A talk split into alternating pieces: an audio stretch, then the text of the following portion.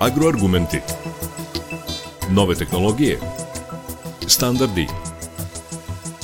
Agroekonomija.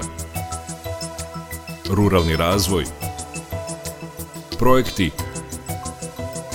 Investicije. Preduzetništvo. Biljna proizvodnja. Stočarstvo. Agroargumenti. Uređuje Đorđe Simović.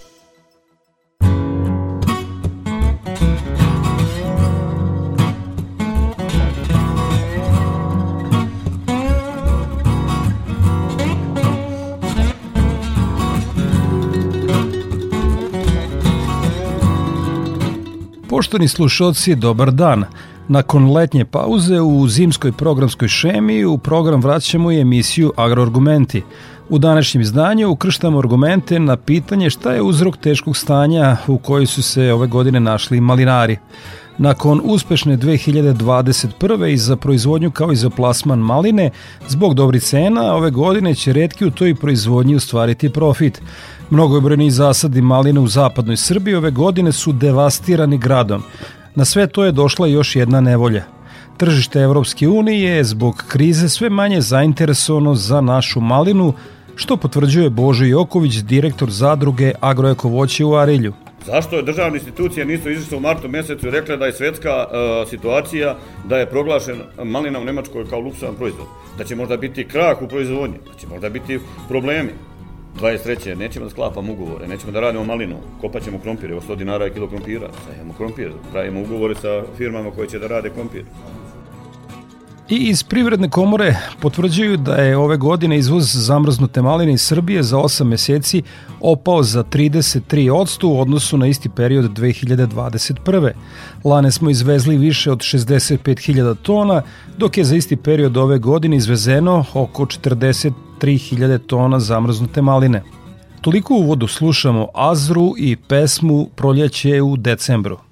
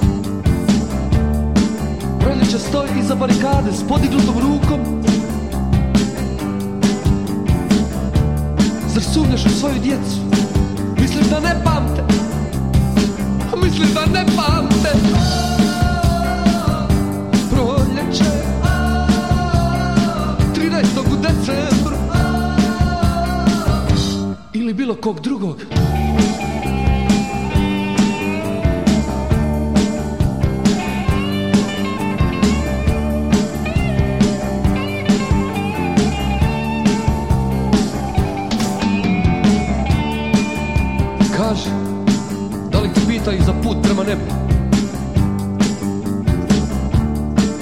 Cijena je sigurno visoka. Kaži da li te pitaju sa bijesom u sebi Ne želeći ništa, ne htijući mnogo osim života Osim života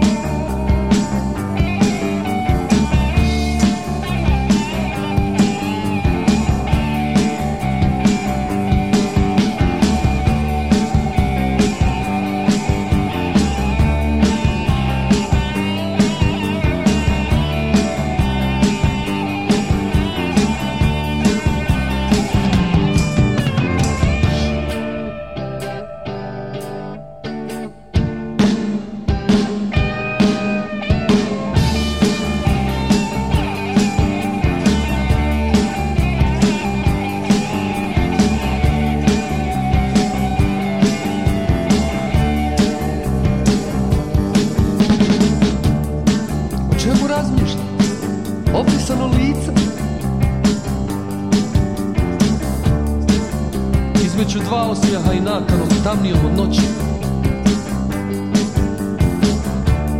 O čemu razmišljam?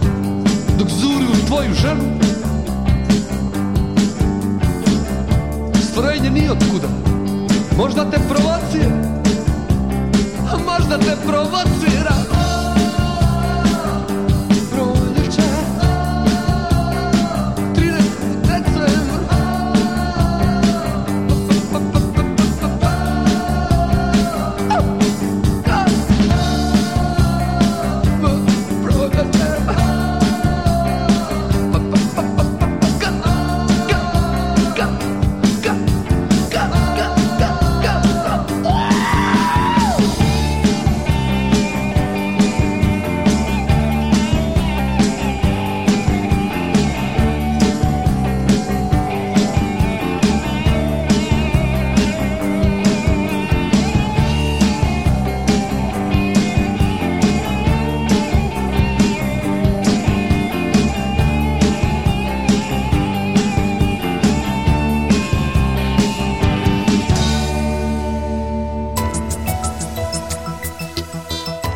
Agroargumenti. Nove tehnologije, standardi, agroekonomija, ruralni razvoj, projekti, investicije, preduzetništvo, biljna proizvodnja, stočarstvo. Agroargumenti.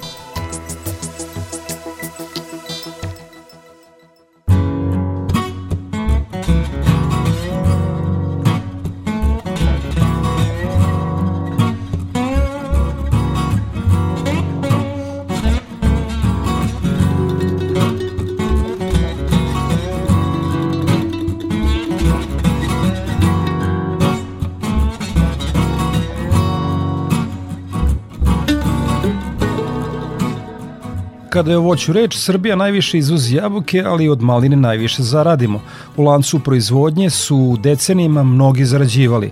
Od prodavaca sadnog materijala, đubriva, pesticida, mehanizacije i opreme, proizvođača ambalaže, transportnih kompanija, hladnjačara, trgovaca i najvažnije stotine hiljada porodica, pre svega u zapadnoj Srbiji, kojima je proizvodnja maline osnovni ili dopunski izvor prihoda. Iz razliku od prošle godine, ove su prihodi malinara pali. Proizvođači kažu da je na to uticala post-covid kriza, rat u Ukrajini i značajno povećanje troškova života i energetska kriza, koji su probudili strah od nestašica osnovnih životnih namirnica, što je dovelo do velikih poremećaja na tržištu Evropske unije. O svemu tome bilo je reči na sastanku proizvođača, naučno-istraživačkih institucija i predstavnika Ministarstva poljoprivrede koji je održan u Beogradu. Prvo slušamo direktora zadruge Agroeko voće u Arilju, Bože Jokovića. Mi možemo da pričamo o 17, 18, 19, 20 i 21 i 22 šta je bilo, ko je koga šta uradio, kako, na koji način. Ali u 23. verujte mi, proizvođači će pitati za svoj malinu. To vam sigurno je tako. Da li će oni biti okupljeni u zadruge, u udruženja ili pojedinačno? Možda mi 23. nećemo da sklapamo ugovore, nećemo da radimo malinu, kopat ćemo krompir, evo 100 dinara je kilo krompira, sajemo krompir, pravimo ugovore sa firmama koje će da rade krompir. Mi ne možemo se vraćati retroaktivno posle kad je se sve dogodilo. Mi smo dovedeni u zabludu. Zašto je državne institucije nisu izišle u martu mesecu i rekle da je svetska uh, situacija da je proglašen malina u Nemačkoj kao luksusan proizvod? Da će možda biti krah u proizvodnji, da će možda biti problemi. Mi imamo elementarne nepogode, gde su ministarstvo, e, e, e, iz ministarstva poljoprivrede, gospodina Nedimovića, ministra sam zvao lično na telefon kad je u Arilju pogodina neslučena, ne, elementarna nepogoda. Poslo je pomoćnika Aleksandra Bogićevića sa ekipom dole na teren. Tadašnji predsednik opštine ih je zvao na ručak. Umesto da ode na reku da vidi gde da država uloži pare, da jednostavno sanira te ljude.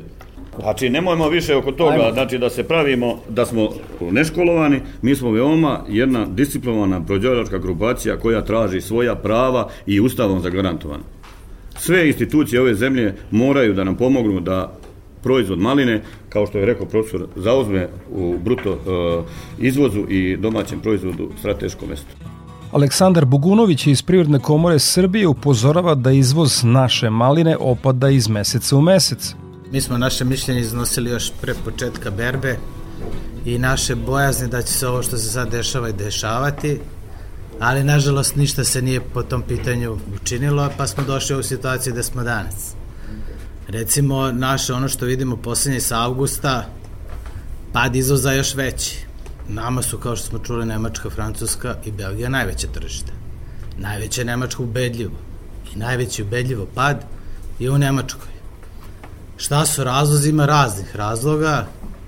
Neke stvari su krenule još od oktobra prošle godine, ali činjenica da je izvoz tamo u drastičnom padu. Prema nekim informacijama naših e, izvoznika, septembar je još gori. A niko ne zna šta će biti dalje, svi se nadaju da će se te nove cene prihvatiti od strane kupaca i od tržišta. Neke zemlje imaju manji pad u odnosu na prethodnu godinu kao što je Francuska. Tu smo negde u avgustu bili negde oko 90% u odnosu na prethodnu godinu. I to uglavnom je za preradu taj Francuska uglavnom prerađivačka koncept. Belgija isto ima pad, neke zemlje su 60% pad, neke 70, uglavnom ima neki zemalja koji imaju čak i rast, nažalost to su one da imamo male količine, znači ne govorim vrednosno, jer mislim da potpuno sad nije bitno koliko je to u parama, bitne su količine koje se smanjaju. Vrednost jeste viša jer je cena veća, ali u skladu s tim je i manja prodaja na tržištima. Ono što još, veće, još više zabrinjava, kažem možda ima rast, tipa Emirati imaju veliki rast, ali to su jako male količine, pa kad jedne godine izvezete jedan kontejner, a sledeće godine tri kontejnera, to je drastično povećanje, ali u količinama je to jako malo.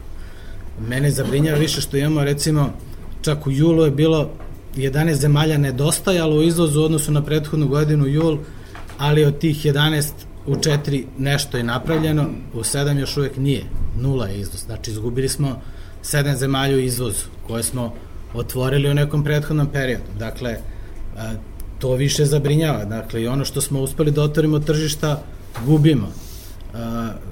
Šta je problem? Znači, to, to je treba detaljna analiza da se napravi, svakako da treba da se ozbiljnije pozabavimo na, po tom pitanju svi zajedno. Uh, ono što je recimo, uh, ono što smo mi još upozoravali, da kažemo još pre, kada je počinjala ta cela priča, da se obrati pažnja, znači, uh, s kim se uh, pravi ugovori, kako se pravi ugovori, šta će se raditi, imamo situaciju da su neki davali neke cene, nisu isplaćivali ljudima pare, sad ne mogu da prodaju robu, velikim su problemima, a, stalno se a, komentariše kolike će da budu a, prenete zalihe, koliko je preneto zaliha, ono što Bože kaže, realno, vidimo što dođete da pravi podatak. A, prema a, podacima koje ja dobijam od naših izvoznika, ima dosta skladišta koje nisu nigde ni registrovana, zvanično nigde ne postoje, niko ni ne zna šta se nalazi u tim skladištima. Koliko, je to, koliko te robe ima? To je nešto što bi trebalo da se na neki način dođe do tih podataka. I sad smo ovde čuli veoma različite prognoze, da li je rod bio 50.000, da li je bio 70.000, zelena knjiga kaže 111.000, dakle što, za prošle godine, pa dobro, znači otprilike nije ni ove godine neka velika razlika. Ali mi u suštinski nemamo nemamo precizan podatak i to je možda ono što, jedino što mi možemo da pratimo jeste ono što izlazi, s obzirom da ko što smo konstatovali, ovde se slabo troši, uglavnom se malina izvozi i ona jeste naš veoma jak izvozni potencijal i samo to možemo da pratimo i da upoređujemo, znači izašlo je više ili manje. I uh, ono što mi svi želimo da toga izađe što više. I mi se trudimo i da pomognemo i naše firme i vodimo na sajmove, pokušamo da organizujemo te sastanke i povezivanja, jer to jeste nešto što je redko, nema svako, posebni smo, ali nažalost očigledno da ova kriza koja je sada u svetu sa nekim strahom, pošto pretpostavljamo da u Nemačkoj je najveći strah, Nemci su onako nisu navikli baš na neke recesije, pa možda tako reaguju, smanjuju potrošnju. Malina je tamo luksuzna roba, ona jeste super zdrava i to jeste što je spasilo malinu, što je ušlo u, u mikseve zdrave hrane, u, u ove smutije, takozvane, znači pojav, pojav smutija malina je doživjela preporad. Međutim, problem je što narod tamo steže kajševe i prvo što izbacuje se, izbacuje se luksus. E sad, mi se svi nadamo da će u nekom trenutku to da se promeni, ali šta da radimo ako se ne promeni? Znači, to je sad već ozbiljan problem u najavi. Znači, kako ćemo mi to rešavati? mi smo imali neke sastanke sada što smo mi konstatovali, ne znam, svi se sad, sad se svi samo nadaju da će njihovi kupci prihvatiti nove cene, jer su one više u odnosu na prethodnu godinu, koji su isto teško prihvatili. Da znamo, recimo, prošle godine kada gledate po vrednosti izvoza, po mesecima, kada gledate cene, pošto vi možete da dobijete podatak koliko je vreda, vrednost te robe bila u određenom mesecu, znači imate količine i cene. I sad vi vidite da početak prošle godine izvoza je išao po nižim cenama i onda su kupci postepeno prihvatili nove cene. Jako postepeno i uh, to je prošlo. Kako tako? sad imate, I sad imate različite tumačenja kolike su prenete zalihe. U principu niko o tome ne, ne govori. Procene su čak preko 10.000 tona. Ali vi zvanično nemate taj podatak. To svi sad nagađamo. Dakle, da ista sad situacija krenula otprilike sad kad su očekivali da će da raste, prvo je već bilo najava početkom godine da su kupljenu robu usporeno povlačili oni koji su je kupili jer nisu imali plasman te robe. Da je bilo da su, jer ipak i čuvanje te robe košta. I onda je bilo ili da raskidaju ugovore ili da sačekaju sa povlačenjem robe. Dakle, bio je taj period početkom još godine. E sad je pitanje šta će se dešavati u ovom periodu. Znači imamo da neki su smanjili količine, neki nisu ni otkupljivali koliko su ranije otkupljivali, ali nisu bili sigurni. Dakle, imamo i na ovom tržištu, kad govorimo o izvoznicima, govore, ono, ja sećam kao to neki, kao, ono, kao klan, vi ne možete zamisliti, oni, oni ne mogu ništa da se dogovori. Dakle, tu ne postoji apsolutno neko, da kaže, jedinstvo, oni diktiraju, oni ne diktiraju ništa. Ja mogu, garantujem na našim grupacijama sa izvoznicima se uopšte ne priča o cenama ko koliko plaća. Znači, uopšte nije tema. Dakle, tu ne postoji ni neki njihov zajednički stav, niti neka a, da kažemo organizovana priča, s obzirom da i oni imaju različita tržišta, oni su jedni drugima konkurencija, u principu se tako i ponašaju. Znači, neki imaju cenu koju postignu za Emirate fantastičnu, sa malim količinama, drugi uglavnom svi imaju neke svoje stare stalne kupce i svaki ima svoje tržište, svi se trude da otvore nova tržišta i to jako teško ide. I kažem, ono što mene plaši, što nešto što smo uspeli da otvorimo sam, se sad zatvorilo, novih tržišta nema, znači mi nemamo nešto novo, ali imamo veliki broj zemalja da izvozimo. Ali poenta je da su nama suštinski tri tržišta glavne. Francuska, Belgija i Nemačka. Agroanalitičar Milan Prostran kaže da malinu znamo da proizvedemo, ali da greške pravimo u preradi i promociji malina. Kad je u pitanju malina dobijali smo nekada javno mnoge šamare od ambasadora koji su se vraćali, dakle stranih ambasadora ovde koji su se vraćali iz svojih zemalja noseći u džepovima, dakle upakovane, e, dakle Dakle, naša malina lepo upakovana u Nemačkoj ili u Francuskoj, izvezena u Kanadu, izvezena u Ameriku, ali tamo sa nekim malim slovima piše poreklo iz Srbije, praktično se i ne vidi. Dakle, to su vam bili šamari e, da vas malo otrezne šta u stvari raditi sa proizvodom koji ima visoku vrednost, visoku cenu. Kad je u pitanju malina, tu se moraju hitno predudeti neke mere. Prvo, imajući u vidu količinu proizvoda, pa mi smo proizvodili maline i 80.000 tona. Danas se govori ovde o 55, o nekoj proceni. E, mi smo bili negde uvek na nekom drugom mestu. Amerikanci kad su nas ragirali, oni su bili negde prvi, mi smo bili drugi. Dakle, prošli smo mnogo sveta, diskutovali smo o tome da li malinu u ova tri, četiri oblika u koje se izvoze dominantno i vrednuje, dakle preko rolen, preko griza, preko bloka, ili radite nešto drugo. E, ja ću vam reći iz nekog samo svog iskustva, dakle, e, promocijom maline, pre svega proizvod maline se niko ne bavi dovoljno u ovoj zemlji. Ja sam bio neki šef delegacije na Svetskom kongresu vinara u, Francuskoj, ja sam tada gledao kako predsednik države Francuske promoviše proizvode njihove.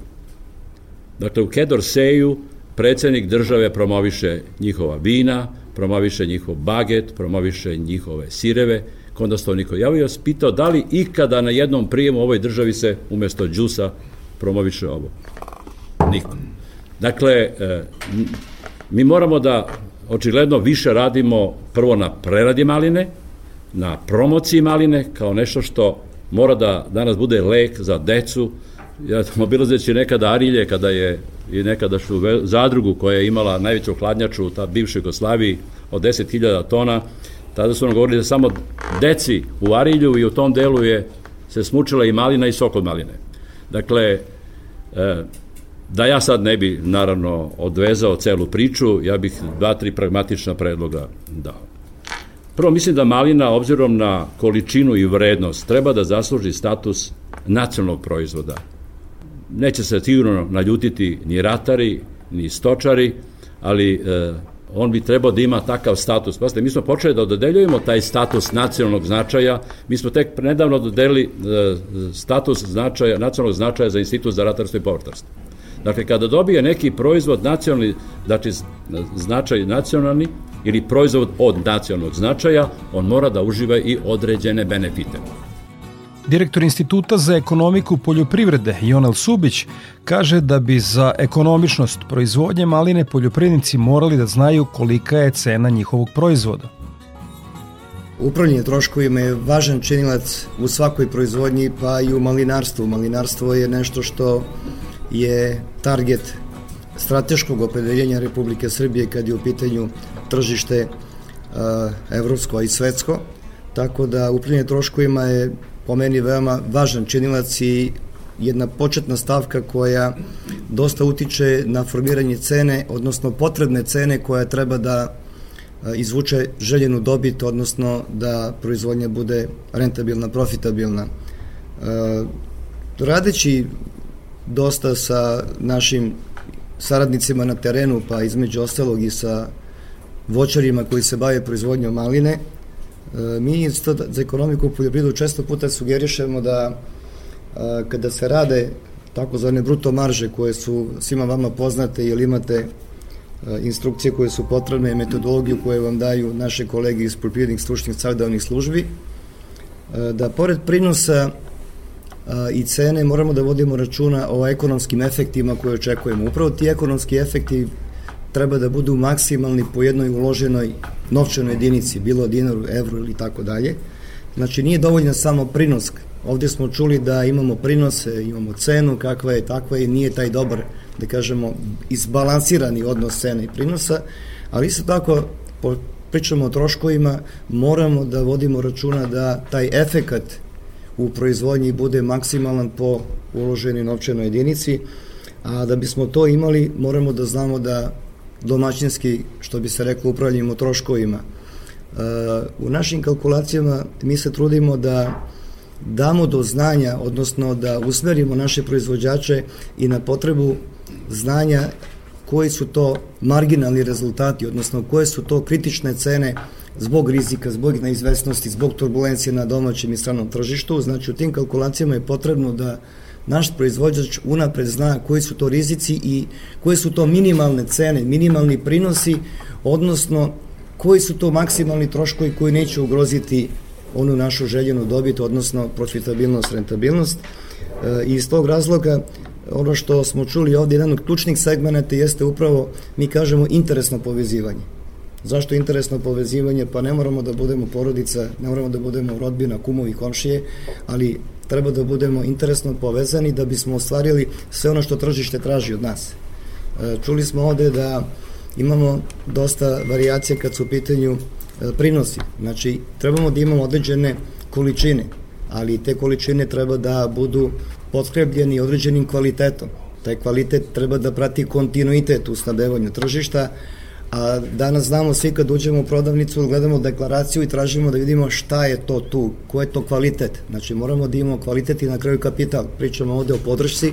Podrška ministarstva je veoma bitna jer u većini slučajeva naše želje su takve da naša finansijska snaga je i dalje zavisna od podrške Ministarstva poljoprivrede i svih onih institucija koje mogu da pomognu, pa na kraju i komercijalne banke sa svojim povoljnim kreditima kad je u pitanju proizvodnja, kao što je malina, kao što je strateški proizvod. Kalkulacije naše koje su rađene u zadnjih par godina, pošto moram da naglasim, hvala ministarstvu što smo i mi uključeni kao institut u projektima unapređenja znanja, a u tim projektima unapređenja znanja trudimo se da e, se približimo proizvođačima i upravo iz tog razloga smo radili određene i investicione kalkulacije i kalkulacije na bazi variabilnih troškova i ono što su naši pokazatelji iz tih naših razgovora, direktnih intervjua jeste da ako nemamo najmanje 60% podrške na naših najmanje maksimalno 40, mi ne možemo da budemo profitabilni, odnosno bilo da je to linija proizvodnje, bilo da je to prerada, naravno ono što mi sugerišemo često jeste da pored primarne proizvodnje, gde god je to moguće, da nađemo i mogućnost prerade, da bismo imali tu dodatnu vrednost kroz preradu. Predsednik Društva voćara Vojvodine, profesor Zoran Keserović, objašnjava da proizvođači ne mogu da utiču na cenu maline na svetskom tržištu, ali mogu puno da urade na unapređenju tehnologije proizvodnje. I ja sam pratio situaciju u voćarskoj proizvodnji 30 i nešto godina. I uvek sam se pitao zbog čega su proiz, ovaj, hladnjačari ili prerađivači odvojeni od proizvođača. Uvek sam se zalagao da proizvođači budu akcionari kod hladnjačara. Nije to nikada zaživelo. Onda sam pokušao preko Ministarstva za brigu o selu, ajmo da pomognemo malim proizvođačima da se udruže, da oni imaju svoje prerađivačke kapacitete, pa na kraju krajeva da i oni sutra, sutra izvo, izvoze te proizvode. I koliko sam mogao sa moje strane, ono što je dobro, jesu to voćari pokazali najveću ozbiljnost. Znate, od ukupnog broja sredstava koje su dobijena, 30 su iz programa voćarskih. Da li su destilerije, da li je to podizanje savremnih zasada i tako dalje. Ako analiziramo faktore, mi sad treba analiziramo ovde koji su to faktori koji zapravo utiču kod nas da je taj promljeni prinos iz godine u godinu. A on jeste. I svi mi ovde spominjemo, evo, gledajte, spominjemo kao problem grada. Problem niskih temperatura. U startu kad sam krenuo 2005. godine, pre svega u proizvodnji jabuke, trešnje, ja sam rekao, mi moramo raditi tehnologiju prilagođenu klimatskim promenama. Da li je moguće da zasada u Srbiji maline, evo ime ispravite ako je tako, da nema više možda od 1% sa protivgradnim mrežama ili mreža za stenjivanje? Koliko zasade ima u sistemu, znači ovaj, navodnjavanja u Srbiji? Ali ima 3% malina? Ne, 3 do 4%, je li tako? Znači, jako malo. Ono što je bolna tačka jeste kvalitetan sadni materijal. Ja sam stalno govorio, Zašto nismo uradili kolonsku selekciju Vilameta, uradili kolonsku selekciju Mikera? Ja sam imao dobru saradnju sa Holandijom, ima i dalje. Ne postoji predosnovni sadni materijal koji se čuva u greenhouse-ima. Bazni materijal. Ma kakav je onaj naš sadni materijal bio 2005. 6. koji je krčen, do fitoftore, bolje je da i taj ostao, nego da uzimamo zapravo te sadnice iz, iz proizvodnih zasada. Nije uopšte nikakav problem da država u toj platformi treba da uđe, izdvoji sredstva i da kaže nama ne treba mnogo, dve, tri godine da izaberemo klonove, da stvorimo predosnovni sadni materijal, da imamo bazni sadni materijal, da imamo sertifikovan sadni materijal. Jer vidite prino šta nam govori, 5 tona, je li tako? Ja sam pre neki dan analizirao zato što je e, Erste banka tražila reprogram duga jedne velike plantaže jabuke. I za, oni su se zamislili šta se to desilo sa tom plantažom. U startu kad su koristili kvalitetan sadni materijal, znači kvalitetan, oni su imali u drugoj godini prinos jabuke negde 45 tona, 35 tona, 25 tona. Kad su krenuli na okulante, nisu imali u drugoj godini ništa. U trećoj da ne govorim, u četvrtoj isto. Znači, koliko je važna proizvodnja kvalitetnog sadnog materijala, gde bi svi zajedno trebali da vidimo kako da se izdvoje sredstva i da se uradi klonska selekcija. Neka je pretežno bilameta i da uradimo ovog, jel tako, mikera. Dalje, ako postoje neke sorte koje su klubske, koje su zaštićene, mislim da ministarstvo to daje, daje ovaj sredstva, jel tako, za ovaj za otkup, mislim da je ovo klubska, da je ovo takođe ovaj uh, klubska sorta. Nadalje, ja bi se okrenuo tu su i predstavnici Ministarstva poljoprivrede. Moj stav je uvek bio da su zapravo taj deo sredstava koji se u budžetu izda za poljoprivredi mali, a drugoj posticaji su mali. Ne mogu posticaji isti da budu u ratarskoj proizvodnji, u voćarskoj, u povrtarskoj proizvodnji. Evo samo otiđite u susednu Hrvatsku, pa vidite koliko je za ratarske kulture, koliko je za voćarske, koliko je za sve ostalo.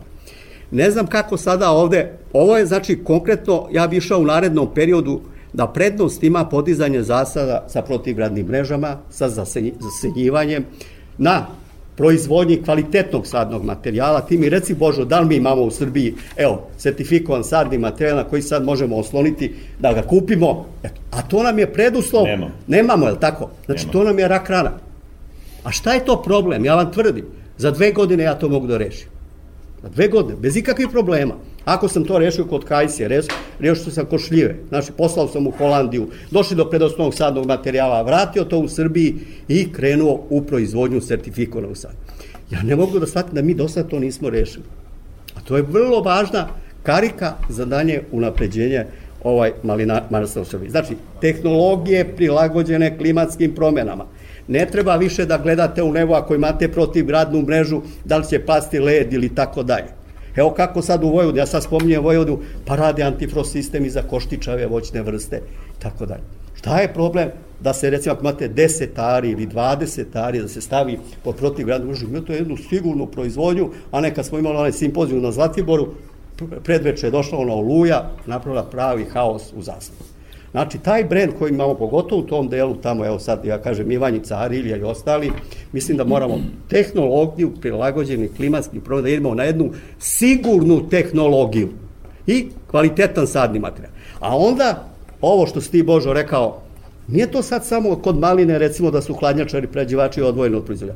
Pa kod višnje isto. Pa evo kod borovnice se organizuju, isto hladnjačari. Isto sad. I sad ovi proizvođača koji šapsa, šta sad da radimo, kaže hladnjačari, već diktiraju cene. Zašto? Sledeći sastanak treba da bude i sa prerađivačima, jer zapravo taj holandski recept koji je jako dobar, a on je mora za istom stolom da sede proizvođači, nauka, institucije. I to je taj zlatni trougao koji će da kaže, e tako treba raditi, da se dogovorimo, procedura je takva i mi od nje nećemo odustati. Zašto smo mi u Borovnici napravili takav pomak? Pa evo, američki farmeri su zabrinuti kako to bro... Pogledajte koja je to tehnologija kod Borovnice. Znači, vrhunska svetska. Od jabuke, kod trešnje, to su napravili problema u sortimentu. Slažem se s ovim da treba napraviti, znači, ovaj, jednu platformu gde će se jasno definisati šta treba raditi u malinarstvu, jer nije mala stvar, verujte, ona je među 10 izvoznih proizvoda u poslednjih 15-20 godina. Prošle godine je bila na drugom mesecu, šta smo rekli, sa 426 miliona dolara. Koliko ljudi živi, znate, znate od toga. I sigurno da ona mora da nađe značajnije mesto, još što ste vi rekli, nema tolike reklame oko voćarstva, oko poljoprivrede, svi govorimo o IT sektoru. A onda će IT sektor nama da reši stanje u poljoprivredi. A kad pogledamo, kad dođe ovako kriza, šta je? Svi gledamo u samu poljoprivredu. Tehnologija praviđenja klimatskim promjena, proizvodnja kvalitetnog sadnog materijala, da se definiše jasno odnos između proizvođača i prerađivača ili pojačati jednostavno te posticaje za udruživanje proizvođača gde će oni biti vlasnici prerađivačkih kapaciteta, hladnjača i na kraju krajeva i vi da budete ti koji ćete prodavati. Vesna Radojičić iz Ministarstva poljoprivrede kaže da država radi jedino što može. Subvencioniše podizanje zasada, kupovinu opreme i mehanizacije, izgradnju hladnjača i subvencioniše osiguranje. A u narednom periodu će, kako kaže, urediti tržište poljoprivredno-prehrambenih proizvoda. Da već, ja mislim, više od 10 godina se subvencioniše e, sertifikovana sadnja, znači proizvodni zasadi svog voća, pa i maline, gde, gde je akcenat na sertifikovane proizvodnje, ne i starog zasada. Uh, uz obaveznu naravno analizu zemljišta i obradu zemljišta. U isto vreme imamo takođe uh, nacionalne mere za proizvodnju matičnih zasada, imamo, kao što je Boža rekao, za osiguranje i ja zaista mislim da to treba uh, maksimalno iskoristiti tu meru, zato što je za Zlatiborski okrug, Moravički, koji su najviše pogođeni elementarnim nepogodama iz nekog razloga pre, pre tri godine, ja mislim da je i povrećaj za subvenciju, odnosno za regres za osiguranje, je 70%. 70% nije malo. A, imamo situaciju katastrofalnu. Ivanje Carilje, najčešće i Čačak, koliko mogu da primetim, ali bilo i u drugim krajevima. Znači, mislim da ta mera treba da se maksimalno iskoristi, nije dovoljno iskorišćena. Ne mislim sa aspekta a, novca iz budžeta, nego i u razgovoru imamo neke projekte i sa osigurajućim kućama, moglo bi to da bude mnogo bolje, vama bi mnogo značilo, umanjilo neki, bar osnovni rizik. A, takođe imamo o, subvencije iz nacionalnih mera, o, regresiranje, odnosno subvencionisanje opreme i mehanizacije, kod većarstva to su prvenstveno sistemi za navodnjavanje protivgradne mreže i razne druge priključne ovaj priključena oprema koju takođe godinama subvencionišemo. Sve te subvencije koje sam nabrajala su uglavnom od 50 do 65% za područje sa oteženim uslovima rada obzirom da Arilje, ja sad stavljam akcinat na Arilje, znači ima vas iz cele Srbije, na tri godine se objavljuje pravilnik o marginalnim područjima, Arilje jeste marginalno područje, što znači da je povrećaj 65% od iznosa investicije bez PDV-a. Ja mislim da sam te glavne ovaj e, glavne subvencije nabrojala, vi ste tu, vi možete uvek da kažete da li nešto ima što smo mogli, a nismo stavili. Nisam rekla antifrost sistemi, znači sve nešto što je stvarno neophodno u savremenom voćnjaku, mislim da ministarstvo već subvencioniše. Ali uvek smo otvoreni za razgovor, e, to nikada nije bio problem. E ono što bih isto ukratko samo rekla, da ministarstvo uh, prilikom pridruživanja Evropskoj uniji. Znači, mi pratimo i njihove ove, legislative i gledamo da se prilagođavamo, odnosno imamo akcioni plan i da prilagođavamo našu politiku, politiku politici Evropske unije. Te tako smo mi prošle godine, prvi put je donet uh, zakon o uređenju tržišta poljoprivrednih proizvoda, taj zakon će nama omogućiti, e, na osnovu tog zakona će zapravo izaći 47 pravilnika koji će bliže propisati ovaj, razno razne proizvodnje, s tim što ja mislim da sigurno blizu 50%, ako ne i više, e, posla ali 50% nek se zadržimo na tome, je na, na voću i povrću.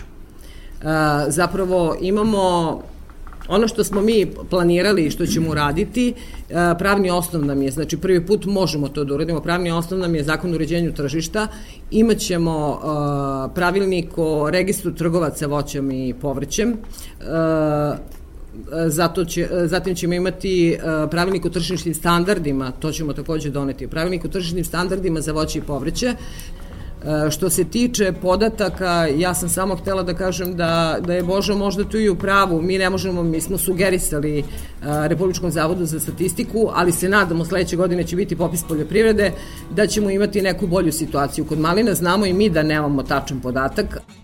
Kako uopšte Ministarstvo poljoprivrede vodi politiku subvencija i raspolaže novcem poreskih obveznika kada nemamo tačne podatke koliko imamo površina pod malinom, koliko imamo u skladištima na prelaznim zalihama, koliko smo izvezli i koji prihod smo ostvarili. Jedino je izvesno da postoji problem u sektoru, pa makar podaci bili okvirni, a to je da smo lane malinu izvezli u vrednosti većoj od 400 miliona dolara, a prema podacima Prijedne komore Srbije, pre svega zbog manje tražnje ove godine, izvoz je smanjen za trećinu. Toliko u emisiji Agroargumenti. Za kraj slušamo Đorđe Balaševića i pesmu Noć kad sam preplivao Dunav. Ja sam Đorđe Simović i pozivam vas da ostanete uz Radio Novi Sad.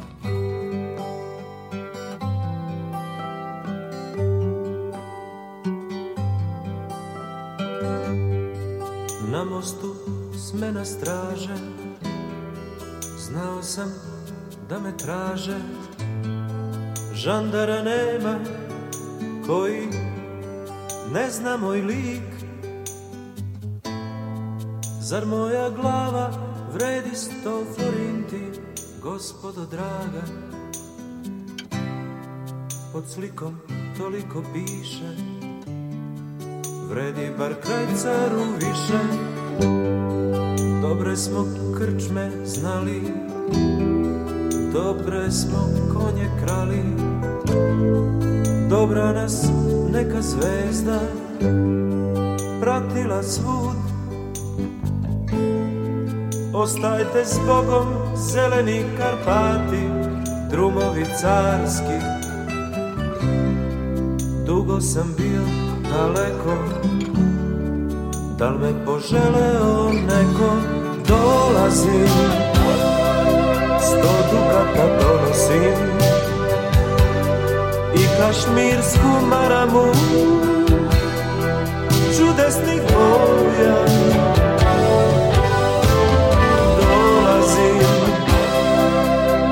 te opet zaprosim. Dok te drugom ne daju Ljubavi moja